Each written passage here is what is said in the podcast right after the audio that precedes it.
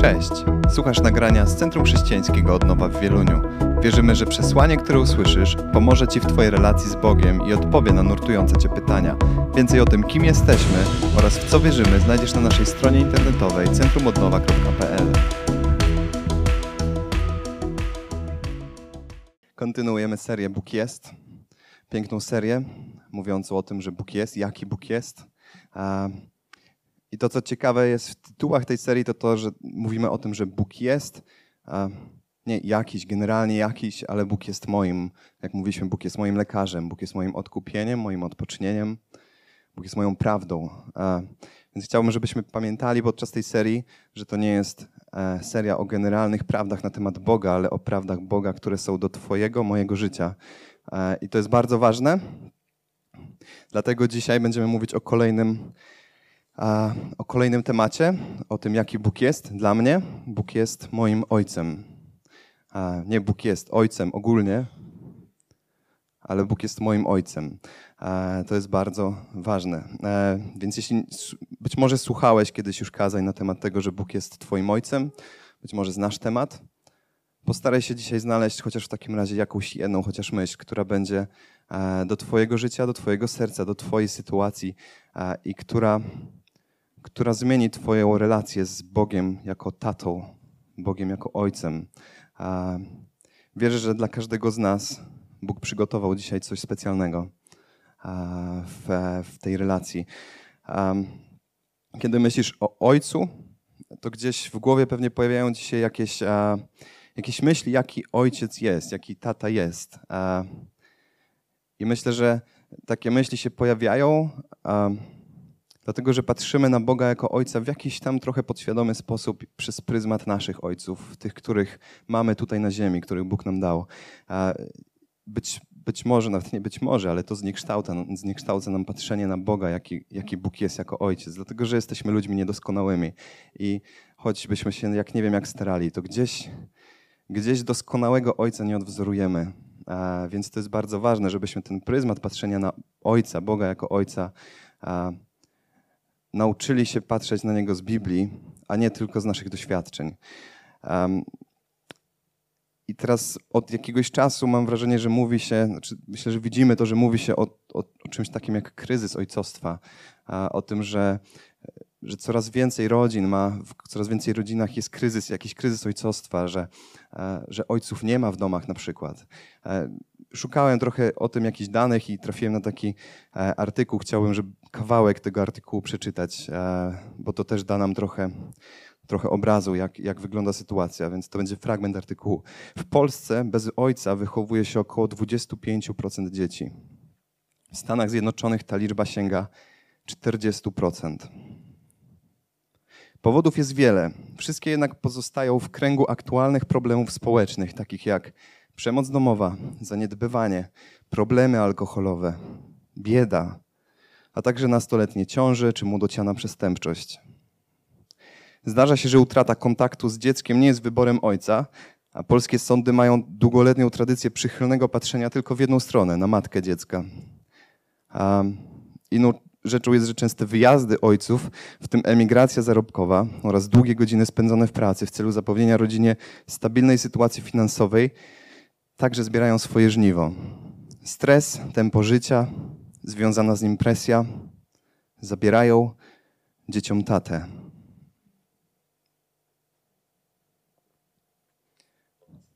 Liczby są straszne. 25% w Polsce, 40% w Stanach Zjednoczonych widzimy, e, to też był artykuł sprzed 6 lat, nie wiem kiedy dokładnie są te dane, a widzimy jest taki trend, że to, co się dzieje na Zachodzie, gdzieś powoli, trochę później, ale przychodzi do Polski. Jak ile teraz dzieci żyje bez ojców? Oby było ich mniej, oby, oby to wszystko się poprawiało, ale zakładam, że może być jeszcze gorzej. Jeszcze jeden ciekawy aspekt. Przeprowadzono doświadczenie na myszach. Dlaczego na myszach? Dlatego, że e, tam odnaleźli pewne podobieństwa w rodzinach, czyli że, e, że jest rodzi, rodzice e, myszy żyją w związku z jedną, z jedną osobą, tak? tak. Chyba się nie będę dalej w to szedł, bo to się zagubię tutaj. W każdym razie to było bardzo ciekawe doświadczenie. I dlaczego jest ciekawe? Dlatego, że zrobili, e, zrobili dokładnie to, co chcieli, czyli zapewnili dokładnie takie same warunki rodzinie, e, gdzie był ojciec, mysz i... E, myszor? Okej. Okay. I gdzie go nie było, czyli gdzie był i gdzie go nie było. Wszystkie inne warunki były takie same. I patrzyli, jak zachowują się dzieci myszy. E, kilka bardzo ciekawych wniosków. Osobniki wychowujące się bez ojca były bardziej nieśmiałe w kontaktach. E, potrzebowały więcej czasu na nawiązywanie kontaktu. E, były bardziej agresywne. Były bardziej podatne na używki. Kolejna rzecz to są jakieś chemiczne y, y, rzeczy, które się dzieją w naszych głowach, czyli transmisja dopaminy, substancji w mózgu odpowiadającej za energię i motywację do działania oraz serotoniny, czyli hormonu szczęścia. To było zabożone u tych, w których nie było ojca. Czyli substancja odpowiadająca za energię i motywację do działania oraz serotoninę, czyli hormonu szczęścia. I zauważyli też upośledzoną inteligencję emocjonalną. I teraz dlaczego nam potrzebne są te dane? Dlatego, żebyśmy zdali sobie sprawę z tego, co tracimy, kiedy nie mamy relacji z tatą. I kiedy zaraz przejdziemy do tej relacji z tatą, Ojcem naszym niebieskim, Bogiem, e, to pamiętajmy o tym, jak wiele tracimy w życiu, kiedy nie mamy tej relacji, kiedy go brakuje. Ale tak jak mówiłem, patrzymy na to trochę przez pryzmat naszych doświadczeń z ziemskim tatą e, i, i wiem, że e, każdy z nas miał inne doświadczenia. Być może część z nas, część z nas nie znało nigdy swojego taty ziemskiego. E, być może, być może znaliście, ale on był tak zabiegany, że w sumie to nie znaliście. A może w ogóle się nami nie interesował. A różne doświadczenia, ale w jakiś sposób wpływają na nasze życie i na to, jak odbieramy Boga. Ja miałem to szczęście, że miałem tatę, mam tatę, mam super tatę, który, który mnie wychowywał. I, a, ale jak patrzę na swoje życie, to wiem, że mój tata był człowiekiem, który bardzo dużo poświęcił, żeby zapewnić nam a, dobry byt. Bardzo dużo pracował. Były, jak byłem mały, to wstawał do pracy, jak jeszcze spałem, a jak wracał, to już było około północy. Ja już też spałem, więc a, tak sobie myślę, jak sobie zacząłem myśleć o tym, jak ja patrzę na Boga przez pryzmat mojego taty, to nigdy nie miałem problemu, żeby wiedzieć, że Bóg się o mnie troszczy. Nigdy, bo wiedziałem, bo mój tata się tak o mnie troszczył, odmawiał sobie wielu rzeczy, żeby zapewnić dobry byt rodzinie. Ale efektem tego było to, że było go w domu mało, więc ja musiałem spędzić trochę czasu i, i trochę energii na tym, żeby nauczyć się tego, że mogę mieć relacje z Bogiem codziennie, a nie tylko w weekendy, jak nie pracuję. A myślę sobie o takich moich doświadczeniach. Pomyślcie o jakich wy macie, jakie wy macie doświadczenia, w jaki sposób odbieracie Boga przez pryzmat swojego taty, bo wierzę, że a, wierzę, że Bóg chce coś uleczyć dzisiaj też w tej relacji. A, w relacji między Tobą a Bogiem, a też relacji między Tobą a Tatą, Twoim ziemskim, bo też nie chodzi o to, żeby oskarżać naszych ojców, bo tak jak powiedziałem, wszyscy jesteśmy niedoskonali i, i, i nie jesteśmy w stanie idealnie się zachowywać, w taki sposób idealnie żyć tak, żeby odwzorować miłość Boga, bo, no bo po prostu jesteśmy ludźmi. Więc nie chodzi o to, żebyśmy oskarżali też teraz naszych ojców albo tłumaczyli sobie nasze e, problemy w relacji z Bogiem tym, że no, ja miałem taką relację z ziemskim tatą, więc no to normalne. To nie jest normalne. Bóg chce to leczyć. Bóg jest dobrym ojcem i wierzę, że dzisiaj będzie leczył, leczył te rzeczy w naszym życiu. A więc co znaczy, że Bóg jest moim ojcem? I co Biblia mówi na temat tego, jakim jest ojcem? Chciałbym, żebyśmy przeczytali dobrze znaną nam przypowieść, ale nie całą. E, przypowieść o synu marnotrawnym. Więc pamiętamy lub nie, ale na początku było tak, że młodszy syn przyszedł do ojca i powiedział: Daj mi moją część majątku, ja już chcę ją mieć i, i sobie idę żyć. E, ojciec mu dał, on poszedł, wszystko przehulał, nie miał nic. I teraz chciałbym, żebyśmy w tym momencie weszli do tej historii. To jest Ewangelia Łukasza, 15 rozdział, 16 do 24 wersetu. Pracując tam, ten syn e, pragnął najeść się strąków, którym tuczono świnie, którymi tuczono świnie, lecz nikt mu nie pozwalał. Wtedy oprzytomniał Ileż tu najemników mojego ojca, pomyślał, ma chleba pod dostatkiem, a ja tu z głodu ginę. Wracam do ojca. Powiem mu, ojcze, zgrzeszyłem względem Boga oraz względem ciebie. Nie jestem już godny nazywać się twoim synem. Przyjmij mnie do pracy jako jednego z twoich najemników. Wstał więc i ruszył w drogę. Gdy był jeszcze daleko, ojciec zobaczył go i zdjęty litością wybiegł naprzeciw. Rzucił mu się na szyję i ucałował go. Ojcze, rozpoczął syn, zgrzeszyłem względem Boga oraz względem ciebie. Nie jestem już godny nazywać się twoim synem. Ojciec zaś zwrócił się do sług. Przynieście czym prędzej najlepszą szatę i ubierzcie go. Włóżcie pierścień na jego rękę, sandały na jego nogi. Wybierzcie też dorodne ciele, przyrządźcie na ucztę, zasiądźmy do stołu i uczcimy to, że oto mój syn był martwy, a jednak ożył. Był zgubiony, lecz odnalazł się i zaczęto się bawić. Jezus opowiadając tą historię chciał pokazać właśnie to, jak Bóg jako ojciec patrzy na swoje dzieci.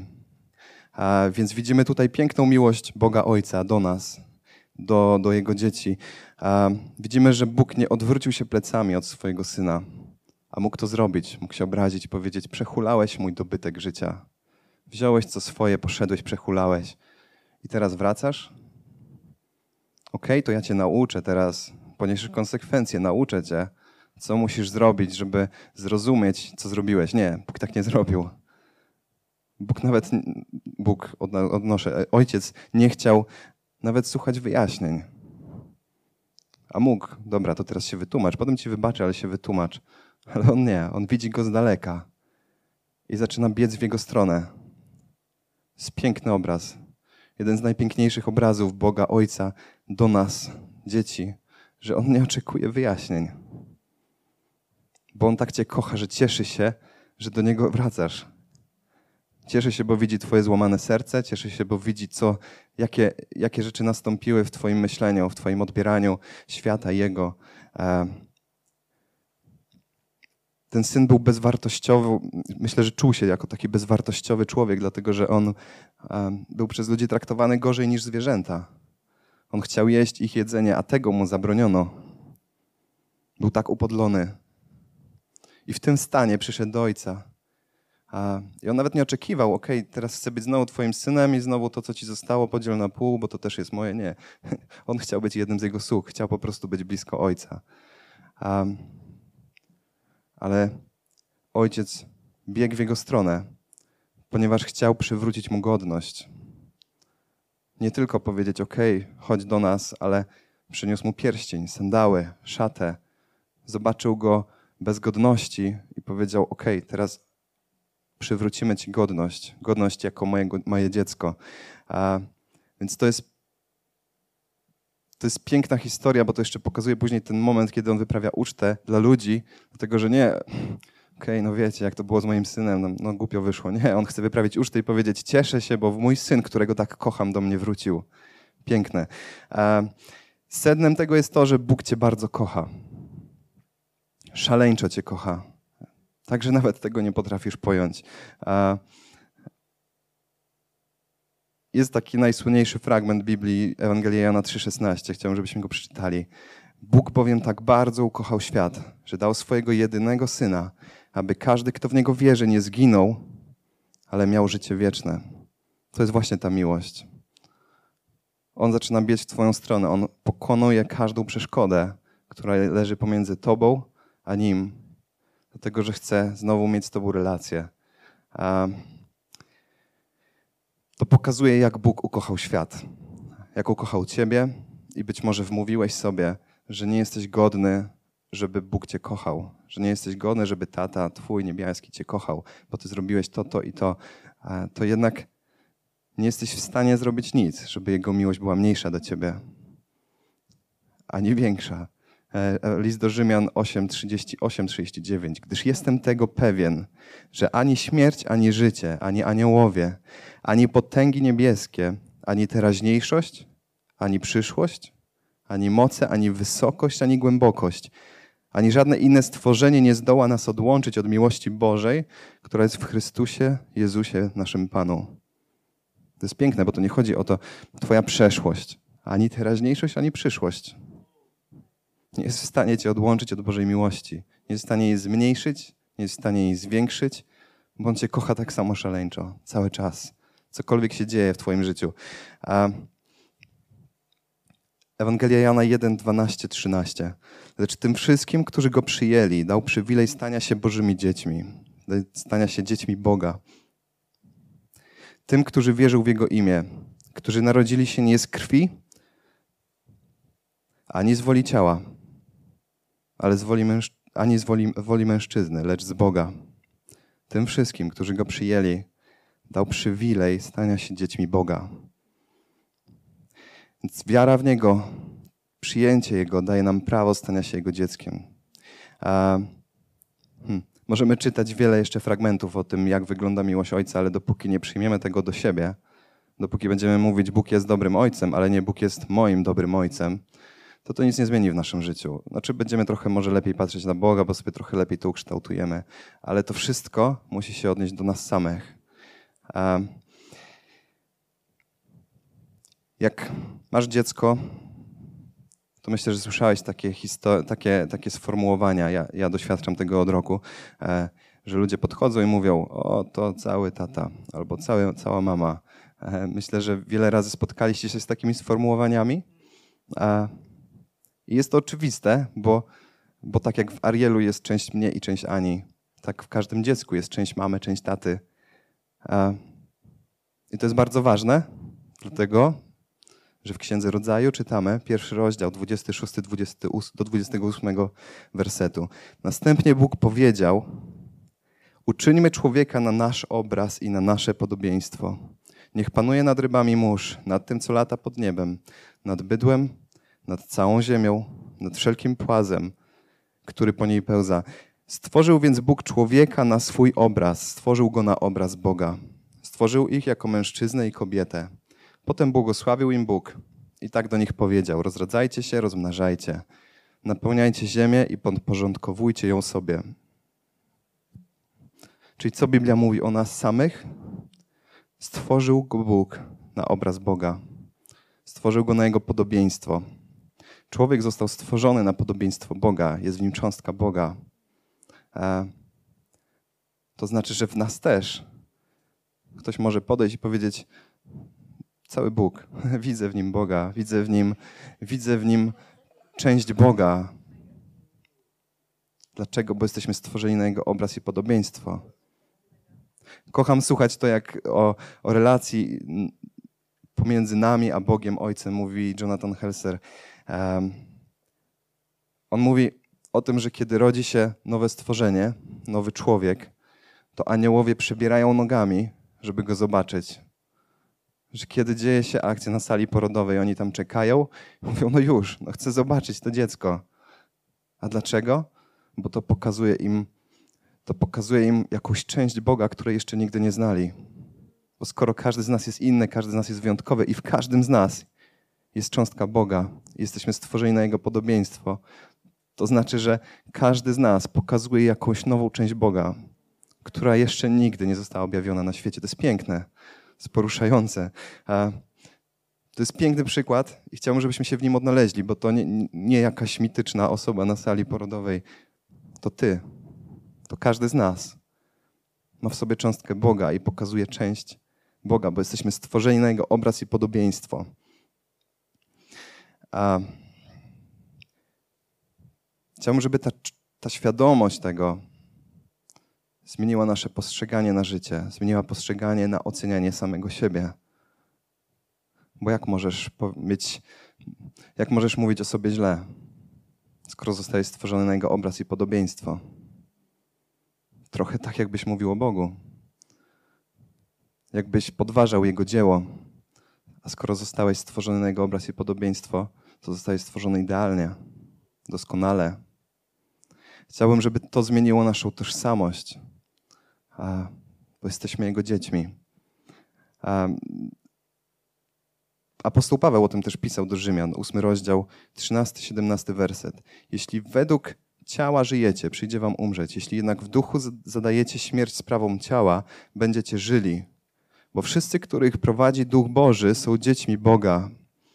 Nie otrzymaliście przecież ducha niewoli, by ponownie żyć w zastraszeniu, lecz ducha usynowienia ducha usynowienia, w którym wołamy Abba, Ojcze. Ten właśnie duch świadczy wraz z naszym duchem, że jesteśmy dziećmi Boga.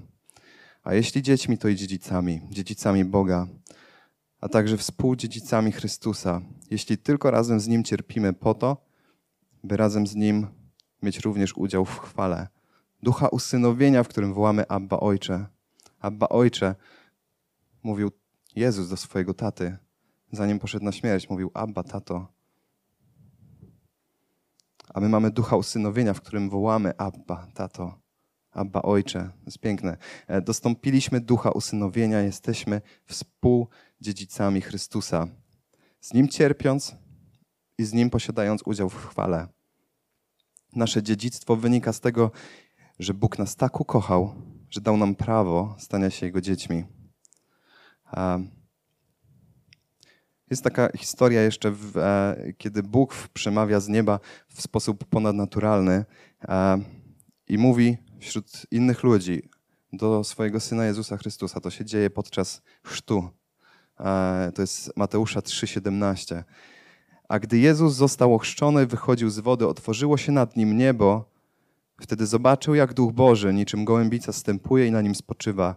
Rozległ się też głos z nieba. Oto mój ukochany syn, źródło mojej radości. Oto mój ukochany syn, źródło mojej radości. To jest bardzo ważne, bo Jezus nie rozpoczął jeszcze służby. On jeszcze nie uzdrawiał.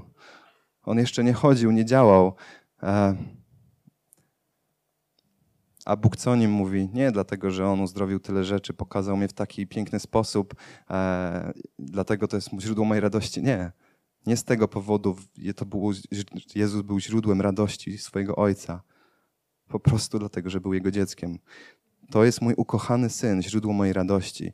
Czyli nie musisz nic robić, żeby sobie zasłużyć na to, żeby być Jego ukochanym dzieckiem.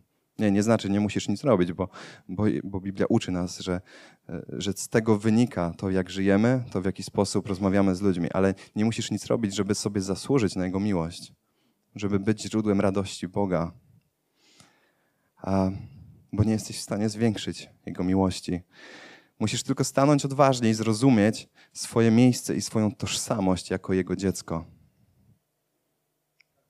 W historii syna marnotrawnego, e, to też mówił Marek na modlitwie jeszcze przed, przed, przed nabożeństwem, to jest, to jest bardzo ważne. W historii syna marnotrawnego widzimy starszego brata który nie odszedł, nie zabrał swojego dziedzictwa i nie poszedł przechulać, albo nawet nie przechulać, dobrze wydać, podwoić, nieważne. Został przy ojcu. I, I, widzimy taki trochę żal u niego. On mówi, e, że no dlaczego ten syn, który, który tak żył, a, a ja jestem cały czas przy tobie, kiedy dla mnie ucztę zrobisz? I Ewangelia Łukasza 15:31. Wtedy ojciec po, powiedział do niego: Dziecko, ty zawsze jesteś ze mną i wszystko moje jest twoje. Dlaczego to jest ważne? Bo możemy przeżyć całe życie przy Bogu, nie zdając sobie sprawy, jak wiele mamy, nie korzystając z tego dziedzictwa.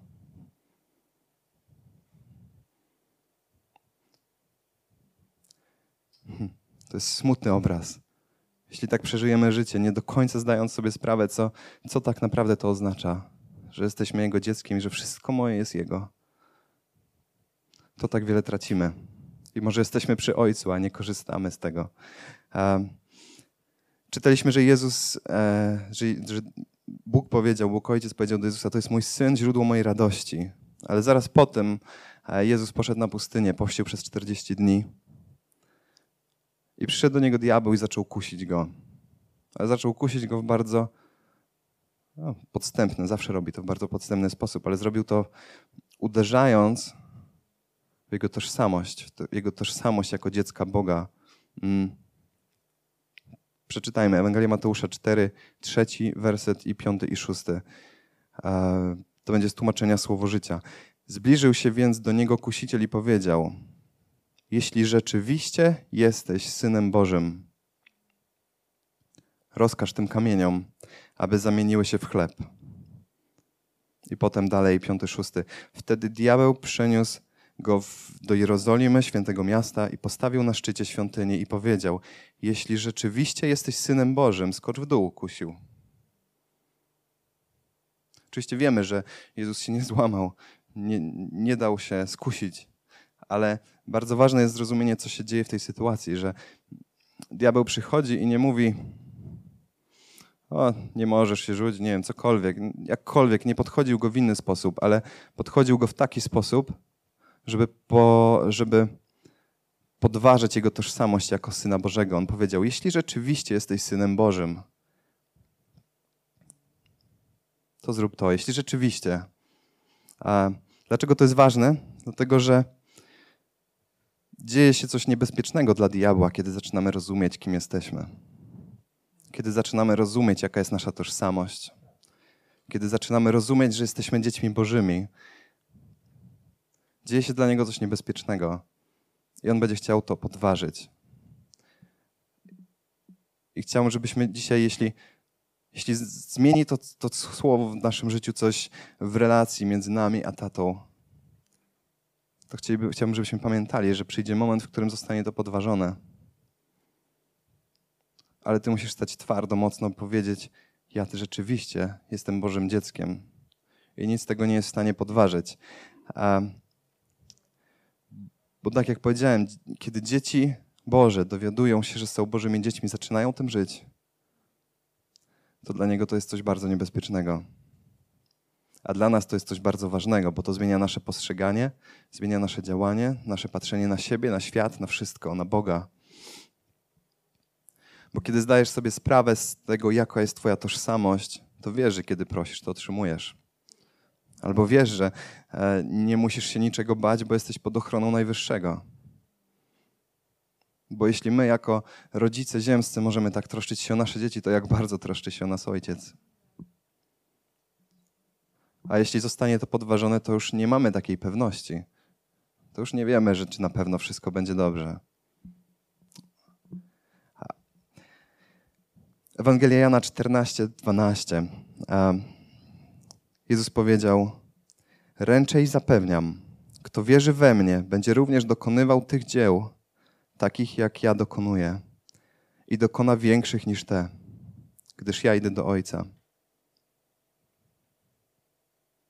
Jezus powiedział: Będziecie dokonywać większych rzeczy niż te, ale to musi się dziać w pewności tożsamości Boga jako Ojca. On zostawił nam zadanie po to, żebyśmy, żebyśmy stali odważnie w tożsamości dziecka Bożego, w tej świadomości i szli i robili jeszcze większe rzeczy. Nie po to, żeby porównywać, ale po to, żeby służyć Bogu, Twojemu Ojcu. Dlatego, kiedy zrozumiesz to, nie daj się złamać. I rób to, czego Bóg, co Bóg, co Jezus zostawił Ci tuż przed przed jeszcze pójściem do nieba. Czyń większe rzeczy. List do Rzymian mówi, zaraz będziemy się modlić, ale chciałbym, żebyśmy jeszcze, zanim zaczniemy się modlić, żebyśmy przeczytali jeszcze ten jeden werset. List do Rzymian 8:19. Bo stworzenie z tęsknotą oczekuje objawienia się synów Boga. Mamy coś tutaj do zrobienia i stworzenie oczekuje z tęsknotą, aż objawimy się jako, e, jako synowie Boga. To jest bardzo mocne. Świat czeka, aż objawisz się jako syn i jako córka Boga. Aż pełni świadomości swojego przeznaczenia i powołania staniesz i zaczniesz tak żyć. Stworzenie z tęsknotą oczekuje objawienia się synów Boga. I jeszcze w Efezjan 5:1 e, Paweł pisze: Naśladujcie Boga jako Jego ukochane dzieci. Bo bycie dzieckiem Boga nie, nie, nie, nie oznacza takiego życia jako rozkaprężony bachor, który chce tylko nowe zabawki. Tylko mi pomagaj, tylko, tylko, tylko mi dawaj. Bo jak nie, to się obrażę i nie będę z Tobą gadać. Nie. Bycie Bożym dzieckiem to pełne poddanie Ojcu. To poddanie i pewność, że On zaspokoi Twoje potrzeby ale też pewność, co z tego wynika, jak mam żyć. To pewność tego, że mogę stanąć w autorytecie Ojca. Stanąć w autorytecie Ojca. To zmienia wszystko. A to jest ten moment, kiedy stajesz z dumą, nie z taką przechwałą, ale z taką dumą, że jesteś Bożym dzieckiem, bo masz świadomość swojej wartości. Nie kryjesz się po kątach, bo jesteś pewny swego, jesteś pewny tego, co wynika z tożsamości Bożego dziecka. Więc najpierw uwierz, że jesteś Bożym dzieckiem, zrozum, co z tego wynika, jak to wpływa na Twoje życie, a potem oczekuj efektów, nie na odwrót. Jeszcze jeden fragment. Michał Ludwik z 12 kamieni pisał na, pisał na Facebooku taki post, chciałem kawałek jego przeczytać. On chce, żebym najpierw znalazł pokój wynikający z faktu, że jest moim ojcem. Oparty tylko i wyłącznie na nim, przez wiarę. Dzięki temu, będący ponad jakimkolwiek życiowymi sprawami, czy jest lekko, czy ciężko, kiedy zdecyduje się na ten pokój, to przesiąknie nim też wszystko inne, a źródło będzie we właściwym miejscu. Chcę Was prosić, żebyśmy powstali, żebyśmy się modlili. Za chwilę będziemy śpiewać piosenkę, która będzie mówiła o tym, że Bóg jest naszym doskonałym Ojcem. Chciałbym, żebyśmy spróbowali odnieść, żebyśmy odnaleźli się w, tej, w tych słowach. Ale jeśli potrzebujesz modlitwy, jeśli, jeśli nie, nie żyjesz tożsamością Bożego dziecka, czujesz, że jeszcze jest wiele rzeczy, które musi się gdzieś u Ciebie pozmieniać, żeby żyć tożsamością Bożego dziecka, albo po prostu nie masz takiej świadomości, i chcesz dzisiaj stanąć i powiedzieć: Tato, chcę mieć pewność, chcę rozumieć to wszystko, ale chcę Ci też powiedzieć, że oddaję Ci całe moje życie, bo chcę żyć pod Twoim autorytetem. To może dzisiaj jest taki dzień. Jeśli potrzebujesz modlitwy, wyjdź, będziemy się mogli, będziemy się z Tobą modlić. A, a być może wiesz, jaka jest Twoja tożsamość, ale, ale masz jakieś bitwy. A, jesteś kuszony, jest podważane Twoja tożsamość jako Bożego dziecka.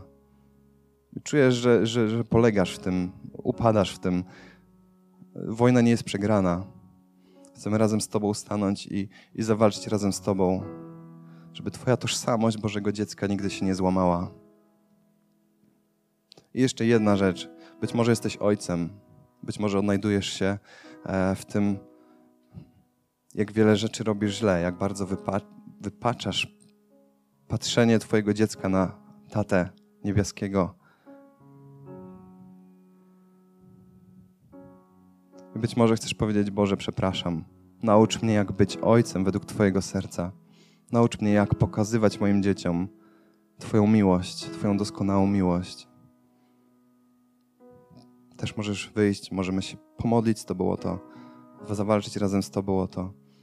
A możesz też po prostu siedzieć i powiedzieć: Boże, potrzebuję Ciebie, tato, potrzebuję Ciebie.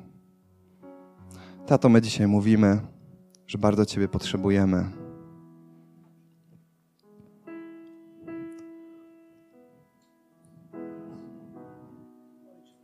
Mówimy, że Ciebie kochamy,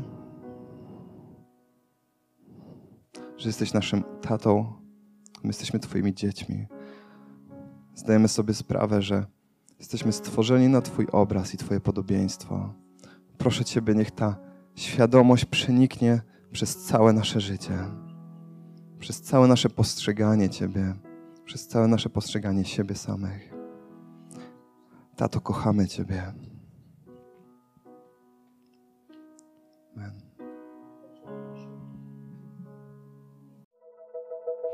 Dziękujemy, że byłeś z nami. Wierzymy, że przesłanie, które usłyszałeś, zachęca Cię do bliższej relacji z Bogiem oraz poznania nas osobiście. Zapraszamy Cię do odsłuchania kolejnych nagrań, a także skorzystania z naszej strony internetowej centrumodnowa.pl.